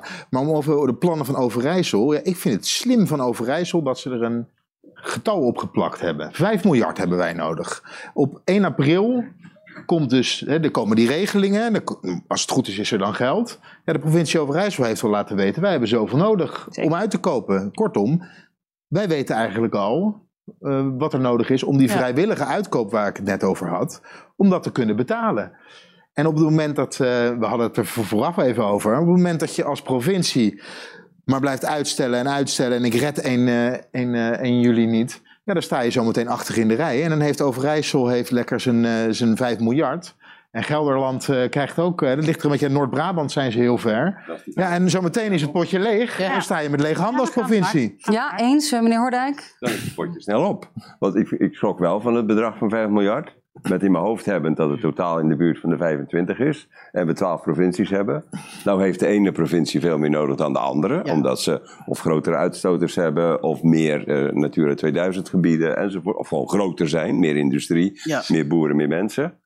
Maar uh, eh, 5 miljard is een heel hoog bedrag. Ja, ja zeker. We hebben kabinet nog, een eh, relatief grote opgave. Uh, ja, maar, maar dan ging je even over het traineren. Dus Gelderland ook, Brabant ook. Uh, er zijn er nog een paar. Die ja. Zuid-Holland, die hebben grote opgaven. Ja. Nou ja, daarmee is het motto ook, laten we het alsjeblieft in beeld hebben zo snel mogelijk. En daar zijn we allemaal mee bezig. Waarschijnlijk als je die rekening gaat optellen bij elkaar, komen we echt wel hoger uit. Uh, maar dit potje is er nu. Laten we dat dan ook alsjeblieft uit gaan geven. want we maken tenminste een start. Er komt niet nog een potje. Nou ja, maar dan, dan wordt het een discussie met het kabinet en het kabinet met de Kamer. Wat moeten we nu doen? Maar laten we dan in ieder geval zorgen dat die 25 miljard in ieder geval al besteed wordt. Want daar kunnen we echt wel met. Ja, hebben wij geleerd. Dat geschieten we niks meer op. In de geschiedenis van, van milieubeleid is het toch al wel duidelijk geworden dat naarmate je beslissingen verder voor je uitschuift, wordt het alleen maar duurder. Ik wil het toch nog van Caroline... Ik denk dat we dat goed bij ons moeten houden. Ja, ja ik wil van Caroline weten. Je zegt we, we halen het niet, hè, Caroline. En uh, 2035, we hebben meer tijd nodig. Dat zeg je, toch? Kijk, maar 2000... zou het niet allemaal kunnen meevallen? Dat op het moment dat je, hè, dat je zometeen de, de, de piekbelasters er wordt naar gekeken, de, de eerste uitkopen worden gedaan. Het blijkt echt te werken. Dat het allemaal misschien allemaal veel minder groot is dan dat het nu lijkt. Kijk, ten eerste, uh, eh, 2035 was al ambitieus destijds. Werd al, eerst is gesproken over 2040, misschien wel 2045. Excuses. Um, dat is 2035 geworden. Was al een heel, heel ambitieus jaartal.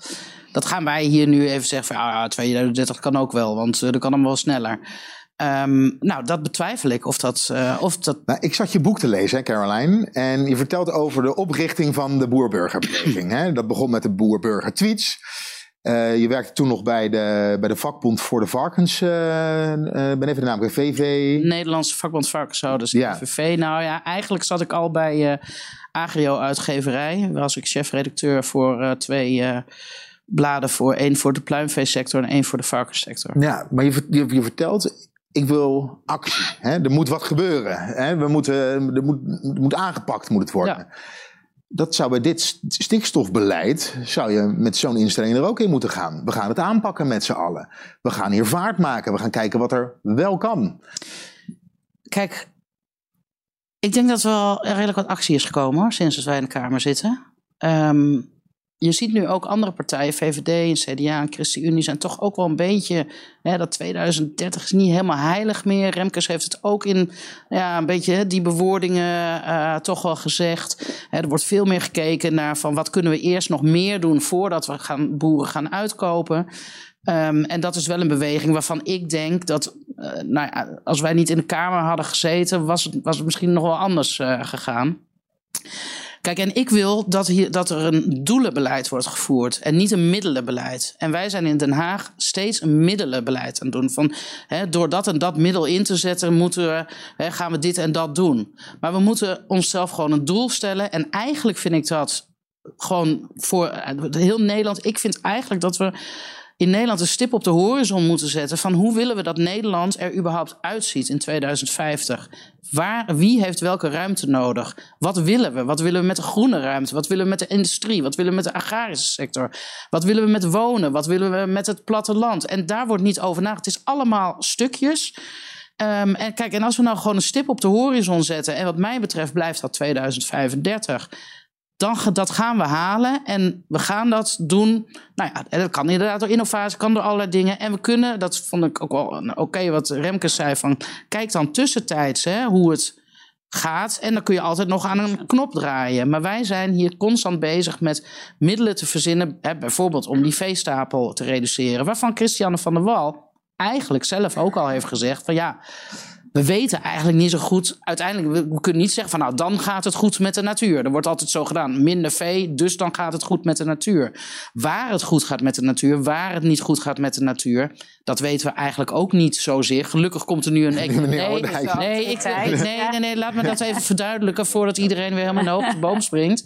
Natuurlijk, ehm, er wordt gemeten. Dat zeg ik ook niet dat er geen metingen zijn. Ik ben heel erg blij dat er een ecologische autoriteit komt. Ja, is een wetenschappelijke autoriteit waar het Planbureau voor de Leefomgeving al jaren om vraagt. Die komt er nu eindelijk. En wij willen dat die nationale flora en fauna databank opengesteld wordt voor iedereen.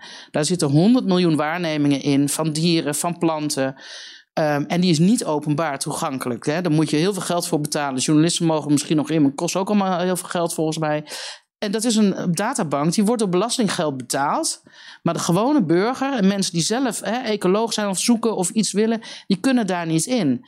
En wij weten ook niet precies wat er in die nationale flora en fauna databank zit. En dat zou ook al heel erg kunnen helpen om de staat van de natuur goed te bepalen. En ik vind het dus heel raar. Ik heb er twee keer om gevraagd, via moties, om die per direct open te stellen. En nou hebben ze over, ja, misschien per 1 januari. Maar waarom maken we daar, waarom doen we Ja, dat vraag ik me heel vaak af. Waarom doen we... Even naar uw rol, misschien als, niet ja, u als provinciebestuurder. Misschien moet Hoordijk ook nog even reageren. Ja, dat lijkt me... Maar wil u nu eerst even reageren hierop? Of... Ja, ik wil. Ja? Nou, reageert u Kijk, die ecologische autoriteit vind ik, vond ik een uitstekend idee. Ook het PBL had erom gevraagd, de Kamer had er voor een deel om gevraagd de vroegere directeur van PBL is nu de hoofd van de ecologische autoriteit. Dus die kan het echt op gaan zetten. Maar dat zal wel even duren. voordat ze echt zover zijn dat wat gedaan kan worden wat de Kamer denkt dat gedaan moet worden. Dus ik zou heel voorzichtig zijn met daar nou alle kaarten op te zetten. Of veel kaarten op te zetten. In de korte termijn, ja, maar de korte termijn hebben we die kritische depositiewaarde. Ik heb net gezegd hoe je die moet gebruiken. En zeker niet op 0,01 gram per hectare per jaar, uh, nee. zoals het uh, in de wet staat, althans waar het op neerkomt qua rekeningen. Maar wel als indicator van de kwaliteit van het milieu. Dus die eerste stappen, die kan je best, uh, best zetten, zolang we een goede KDW hebben. Het zijn niet zomaar getallen. Hè? Er zijn honderden studies gedaan in Europa om dat te doen. Die, in het Engels heet het critical loads. We gebruikten ze al in 1992 voor de zure regen discussie en het Europese beleid daarop. Dus het is een goede indicator, een goed startpunt. Dat je daarna moet kijken of het iets oplevert. Dat hebben we met zure regen ook gedaan. Iedereen dacht dat de meren zo verzuurd waren in Scandinavië en Canada dat ze nooit meer tot leven zouden komen. Zwarte woud zou verdwijnen vier, vijf jaar nadat er de reductie van zwavel was in Canada, kwamen die meren weer tot leven. Dus soms word je verrast door de, door de, ja, de, door ja, de natuur. kan stellen. Ik wil nog vragen naar hoe u uw eigen politieke rol ziet. Ook als jullie straks misschien groter, of jullie staan nu nog niet in een provincie, daar wat groter worden. Uh, ook ja, als iemand die voor het algemeen belang staat, dus niet per se voor de boeren, maar ook hè, bestuurlijke verantwoordelijkheid gaat nemen. Als u meedoet. Uh, hoe ziet u dat, uw eigen rol? Maar dan heb je het over de Kamerverkiezingen volgende keer. Of, ik heb het over BBB eh, in de provincie en jullie bijdragen. Ja, nou ja, kijk, wij zijn een hele brede partij. Kijk, het is, eh, mensen denken altijd dat ik voor boeren, alleen maar voor boeren opkom. Dat de media mij alleen maar belt als het over boeren gaat. Maar ik doe heel veel op. Uh, ik zit bij heel veel gezondheids- en VWS-debatten. Ik zit bij onderwijsdebatten. Ik zit bij buitenlandse zaken. Ik heb het over Irak. We hebben het over Afghanistan gehad. Dus wij zijn heel breed. Alleen dat komt nooit. En dat is niet de schuld van de media, want ik, dat snap ik heel goed. Dat is, weet je, je belt altijd een woordvoerder van hè, de belangrijkste woordvoerder op een dossier. Dus, dus je bent er ook voor de natuurliefhebbers? bijvoorbeeld. Of de, de mensen van de, de, die, die misschien liever, uh, nou ja, nou ja in dat Natura 2000 gebied Natuurlijk, weet je, dat is ook zo'n zo'n aanname dat ik niet voor natuur ben. Weet je, boerennatuur is ook natuur, Natura 2000 is ook natuur. Natuurlijk uh, wil ik dat. Uh, ik, wilde, ik zeg er altijd wel bij, op een lege maag kun je niet wandelen in een natuurgebied. Dus we moeten wel zorgen dat mensen... Nee, maar het is toch zo? Als we honger hebben, gaan we niet wandelen. Dan gaan we voedsel zoeken. We exporteren wel 75%. En we hoeven niet meer te zoeken. Ja, 75% export. Maar dat blijft in een kring van 6 tot 800 kilometer om ons heen. In Amerika, wat, wat in Amerika is dat een streekproduct. Wij produceren voor een kleine Europese regio. En alles wat wij niet eten, uh, de staarten, de koppen, de varkens of de, de, de poten. Nou, die worden ergens anders naar geëxporteerd. Het zijn hoogwaardige eiwitten waar Azië grote behoefte aan heeft. En daarmee verwaarden we het dier helemaal. Waardoor de voedselprijs hier in Nederland relatief laag is. Ik ga nu het zeggen en Caroline gaat gelijk... Uh, nou, ik weet niet of ze ontploft, maar wat er gebeurt... We importeren het veevoer... We exporteren voor 70% uh, wat eruit komt. En de, de, het poep blijft hier. We zitten met, het, uh, met, met de stikstof zitten wij opgeschreven. Maar daarmee moet je niet de discussie voeren. Want die, die, die, die, die nou, snap ik wel. Je moet niet de discussie voeren. Moeten we nou alleen maar voor ons eigen thuismarkt produceren? Want dat is onzin. Want we halen allerlei ja, maar wat dat betreft, ook uit het buitenland. Ja, maar wat dat betreft maar, organiseren we ons eigen probleem. Nee, maar laat me even. We moeten een oplossing hebben voor die poep. Dat klopt. Ja. Dus eh, daar moeten we aan werken. Maar dat je een sector hebt die exporteert, volgens mij vinden we van iedere sector die zo innovatief is, zoals ook in voeding. Want nou ja, nu hebben we het over veehouderij, maar we hebben ook een glastuinbouw uh, hier in Zuid-Holland die top of the bill is en, uh, en ook uh, veel exporteert. Volgens mij zijn we altijd heel erg trots als sectoren exporteren. Maar we moeten dit probleem wel oplossen. Dat is absoluut waar. maar dan mag, dan mag het best een sector zijn die exporteert. Laten we daar nou. De, de, hele voedselmarkt is een wereldmarkt. Die is ook niet zo super lokaal dat wij altijd alleen maar onze eigen voeding kunnen maken. Want dat doen we niet. Want we hebben heel veel stroom uit het buitenland nodig. Tegelijkertijd nee, maar zijn we steeds. Het vlees, dat importeren we. Ja, nee, maar, maar we, produceren wel nee, zoveel Ja, maar daarom. Dus, maar, het, het, is, het is een wereldmarkt. Maar we hebben ook nodig wat er in Nederland geproduceerd wordt. We hebben ook nodig wat er in het buitenland geproduceerd wordt. Maar laten we dit probleem van die maar het probleem, nou maar wacht even, want, want Leendert uh, die, die, die richtte uh, zijn vraag aan mij van ja, maar de poep blijft hier. Ja. We moeten af van het idee dat mest iets vies en vuils is. Mest is een zeer waardevolle grondstof voor uh, gewassen om te groeien. En de poep blijft hier. Dat komt deels door de regelgeving die wij hier hebben. Nederland is opgedeeld in een aantal regio's. En in, per regio mag je maar zoveel mest plaatsen per jaar. Ik zeg, ik leg het even simpel uit. Uh, daarna moet je overgaan op kunstmest. Dus daardoor hou je dierlijke mest over. Wat doet de boerensector? En de wilde boerensector, daar zijn we ook heel erg lang mee bezig om ervoor te zorgen dat je die dierlijke mest die overblijft, dat je die kan verwerken. Dus je gaat de mest en de urine ga je scheiden. Die mest die je overhoudt, hè, zonder die urine, dat is droge mest, kun je korrels van maken. En dat noemen ze, en Renewer heet het nu uh, in Europa, dat is eigenlijk een kunstmestvervanger op basis van dierlijke mest. Dat wordt door Europa nog steeds niet toegestaan. Dus wij kunnen die mest verwerken. Maar de regelgeving dat houdt dat tegen. Ik zeg het omdat uiteindelijk als poep en plas bij elkaar komen, krijg je stikstof, krijg je ammoniak. Ja, maar daarom zijn die nieuwe systemen juist waar die scheiding is. En dan hou je wat ik inderdaad aan het begin zei. Maar als het nou, makkelijk is, dan is het probleem niet opgelost. Nee, maar het dan zijn we eruit, toch? Er zijn heel veel boeren die dus bezig zijn. Er zijn al heel veel boeren die dus bezig zijn. Niet alleen de melkveehouderij, maar ook varkenshouders die die mest en die urine aan het scheiden zijn. En die wachten erop. Weet je wat er nu gebeurt met die mestkorrels? Dat doen ze wel. Weet je waar dat naartoe gaat? Naar Frankrijk. Die Franse boeren die zijn hartstikke blij met die mestkorrels. Want die hebben daar niet dieren genoeg om genoeg mest te hebben. En die zijn hartstikke blij. En drinken wij straks ook ons wijntje van. Want uh, ook daar, uh, ook de, alles wat uh, groeit heeft mest nodig. Professor Hordijk tot slot nog even. Want u wilde net reageren. of nee, niet alles kan. Wel alles kan in Nederland. kijk, de, ik denk dat je erop moet passen om de, het, het economisch belang van de, de landbouw te groot te maken. En te zeggen van, wij, wij, dit produceren we, dat exporteren we en zo zal het blijven. Omdat natuurlijk best dingen ook daar moeten en kunnen veranderen. Ik, als ik die getallen, het Financieel Dagblad had een hele mooie tabel vorig jaar een, keer. Zeg van, wij, de kalfsvlees, dat, dat uh, produceren we in dit land zeven keer zoveel als we zelf opeten. Nou, denk ik, als je nou moet gaan reduceren, waarom zou je dan daar ook niet eens een keer naar kunnen kijken? Aan de andere kant, granen en fruit en zo, dat moeten we heel veel van importeren. Dan denk ik, kijk als, als boerensector ook eens een keer naar, kunnen we hier wat minder doen? Hè? En bijvoorbeeld de producten die tot stand zijn gekomen, terwijl er ook flink wat mestproductie is, naar een product wat we heel veel importeren en waar de mestproductie daarbij veel minder is. Ja, kijk, de kalverhouderij, dat is natuurlijk een uitvloeisel van de melkveesector. In de jaren 50, toen uh, boeren uh, koeien hadden, en uh, toen waren er heel wat boeren, een paar honderdduizend, wisten ze eigenlijk niet zo goed wat ze met die stierkalfjes aan moesten, want die gaven geen mes. Wat gebeurde toen? Die kalfjes werden doodgemaakt op het erf, want daar had je niks aan. Totdat er een paar boeren op de Veluwe dachten, ja, maar hier kunnen we ook iets mee met vlees. Zo is de kalverhouderij ontstaan. Dus als je nu zegt, ja, die kalverhouderij moet weg uit Nederland. En nee, nee, nee, ik zeg je. Nee, maar ik, ik, echt, ik spreek echt niemand hier persoonlijk aan. Ik zeg het helemaal oh, alles in zijn algemeenheid. Dus als we nu in Nederland zeggen, ja, maar die kalverhouderij, die willen we hier niet, zal dat grote gevolgen gaan hebben, ook voor de melkveehouderij. En ja, ik weet dat we nog steeds heel veel kalveren importeren. Maar ook dat wordt steeds minder. En ik zie uiteindelijk wel gebeuren.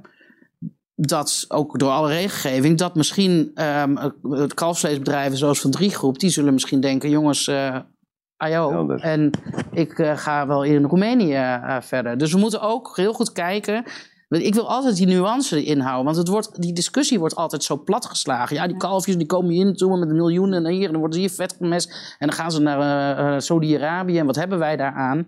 Maar goed, we hebben hier een melkveehouderij. En uit die melkveehouderij is een kalverhouderij gekomen. We hebben ervoor gekozen om die kalfjes niet meer dood te maken, maar het hoogwaardig voedsel daarvan te produceren. Ja. En Helder. Wij eten het hier niet. Hè? wij moeten richting een einde van het moeras. En ik wilde aan professor Hoordijk vragen: hoe kijkt hij nou naar deze historische verkiezingen? Gaat u het meemaken dat we deze stikstofcrisis gaan oplossen? Nou, ik hoop het van harte natuurlijk. Dat is, want in het begin zei ik al, 40 jaar geleden waren we er ook mee bezig, maar dan met een, met een andere term erboven. Ja, ik denk als ik uh, kijk naar wat de plannen zijn, en dat er dus in allerlei provincies al, al uh, plannen zijn, dan, zeg ik aan de ene kant ja, we zijn op de goede weg. Aan de andere kant denk ik, die verkiezingen ertussen, die zorgen ervoor dat er in een aantal provincies echt een andere samenstelling van uiteindelijk het college van gedeputeerden komt. En dat in die tijd dat, dat, dat, het, uh, het plan nog niet klaar is. Maar is dat dus een risico? Dan moeten we even naar mevrouw van der Plas kijken. Is dat nou echt risico? Dat is altijd, elke verandering op, de, op dit soort dingen, als je midden in een proces ineens de spelers verandert, aan de kant van degene die aan de geldkraan zitten, ja, dan kan dat uh, behoorlijke consequenties hebben. ik hoop van niet, maar uh, ik zie dat wel eens. Kort zien de anderen dit ook zo? We waren op zoek naar nou, wij zijn... Is, dat, is het een probleem? Wij zijn een partij van uh, doorpakkers, dus uh, wij hebben er niks aan om uh, dingen heel lang te laten duren. Maar goed, kijk, dat er nieuwe partijen komen en dat die draagvlak hebben, dat komt niet door mij. Dat komt door mensen, ja, willen toch een andere partij stemmen. Dus, en ik sta open voor samenwerking met iedereen. Dat wil ik er ook gelijk bij zeggen. Wij, zijn, wij gaan niemand uitsluiten. Helemaal nul andere partijen. Iedereen stemt ergens op. Dus alle partijen, de kiezer uh, die bepaalt. Dus wij zullen, um, wij zullen gewoon met heel open vizier uh, erin gaan. En natuurlijk besef ik op het gebied van landbouw, maar ook andere opgaven, dat daar uh, wel enige haast mee geboden is. Oké. Dus u gaat gewoon wel meewerken aan het kabinetsbeleid? Nou, nee. Kijk, we moeten straks nog praten in de provincies. Kijk, ik ben heel duidelijk geweest volgens mij in hoe ik erin sta. En uh, ik ben niet tegen een vrijwillige uitkoop. Ik heb niet, ben niet tegen een transitie. Ik ben niet tegen natuur. Uh, het enige waar ik tegen ben is uh, boeren onteigenen vanwege dit hele stikstofdossier. En dat is, dat is waar wij. Uh, maar goed, dat is dan nu alvast duidelijk. Hè? We zitten ja. één maand voor de verkiezingen. Nou, als, dat, als dat het enige is, dan kunnen we daar alvast over nadenken. In Zuid-Holland? Nou, het gaat op veel meer onderwerpen. Ja, want er zijn natuurlijk veel meer onderwerpen waar je een coalitie op moet slaan. Uh, dus uh, volgens mij gaat het erom, wil je een verantwoordelijkheid nemen? En dat is altijd in de uitwisseling van waar ja, sta je en hoe kom je tot een akkoord. Ik, ik, schrik er nooit zo van als nieuwe partijen meedoen, want dat heb ik in Rotterdam meegemaakt en ja. de laatste keer in de provincie natuurlijk ook met Forum meegemaakt. Dus ik ben altijd bereid om met iedereen te praten die een verantwoordelijkheid wil nemen om de problemen die er zijn, die erop lossen. Dat doen we als VVD ook. Wij nemen ook onze verantwoordelijkheid om te doen wat nodig is, zoals wij dat dan zeggen. Le Leender, tot slot. Ja, er zijn maar drie dingen nodig: een zak geld, een landbouwakkoord en een provinciebestuur uh, dat met boeren gaat praten om te kijken wat er allemaal mogelijk is. En uh, in hoeverre zij bereid zijn om ook mee te, uh, mee te bewegen in de richting waarin het kabinet denkt. Dan, dan zijn we er. en andere stikstofbronnen. Ja, piekbelaster. Ja, Oh, die ja, zitten erin. Die zitten erin. Oké, ik ga nog even huiswerk vragen. Uh, op welk huiswerk nemen jullie mee na dit gesprek? Nou, ik begin nog even links bij professor Hoordijk. Huiswerk voor de komende periode. mijn huiswerk voor de komende periode.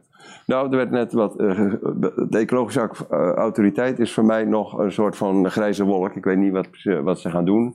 Dus ik ga wel eens een keer kijken wat ze nou echt van plan zijn te gaan doen. En hoe dat dan dit beleid helpt. Mevrouw van der Plas. Um, nou ja, mijn huiswerk zal zijn mensen nog duidelijker te maken dat wij niet met gestrekt been overal ingaan. En dat wij ook op heel breed uh, actief zijn. Ik ben lid van 18 commissies hier en ik woon ze bijna allemaal bij. En dat zullen we in de provincie, dat hebben we ook tegen de kandidaten gezegd. Wij zullen bij alle debatten aanwezig zijn. Altijd zal er iemand van BBB zijn. Dus hou daar rekening mee. Het wordt hard werken. Um, en, nou, Want u bent ook verantwoordelijk voor wonen straks dan, Zeker, zeker. Dus dat is ook een verantwoordelijkheid. En daar hebben we ook mensen op geselecteerd die op alle gebieden uh, expertise hebben. Dus dat zullen we zeker doen. Maar ik merk dat we nog wel steeds gezien worden als de boerenpartij die niks wil. En ik denk dat daar voor mij en ons allen nog wel huiswerk ligt om dat heel goed aan te tonen dat dat pertinent niet het geval is. En ik nodig iedereen uit om ook eens een keer andere debatten dan landbouwdebatten te volgen en te kijken wat de BBB op dat punt uh, inbrengt. Dank. Jeannette Balieu, huiswerk. Nou, huiswerk is in ieder geval in de komende tijd met het kabinet natuurlijk zoveel mogelijk duidelijkheid krijgen op die, uh, op die regels die eraan gaan komen. En, uh, en uh, mogelijkheden om subsidie en weet ik het wat allemaal te doen, innovatie. Maar daar zijn we al mee bezig. Dus dat is extra versterkt als huiswerk, denk ik. Want ik denk dat we daar uiteindelijk allemaal mee gebaat zijn. En dan hebben we hopelijk ook zo snel mogelijk een beeld waarop we met alle partijen die er uh, de verkiezingen ingaan. Uh, ik hoop dat wij als VVD natuurlijk in Zuid-Holland er sterk uitkomen. Maar dan kunnen we ook het goede gesprek met uh, andere partijen voeren. Als we die duidelijkheid hebben, dan weten we ook waar we staan als Zuid-Holland. En dan weten we ook waar we oplossingen kunnen vinden.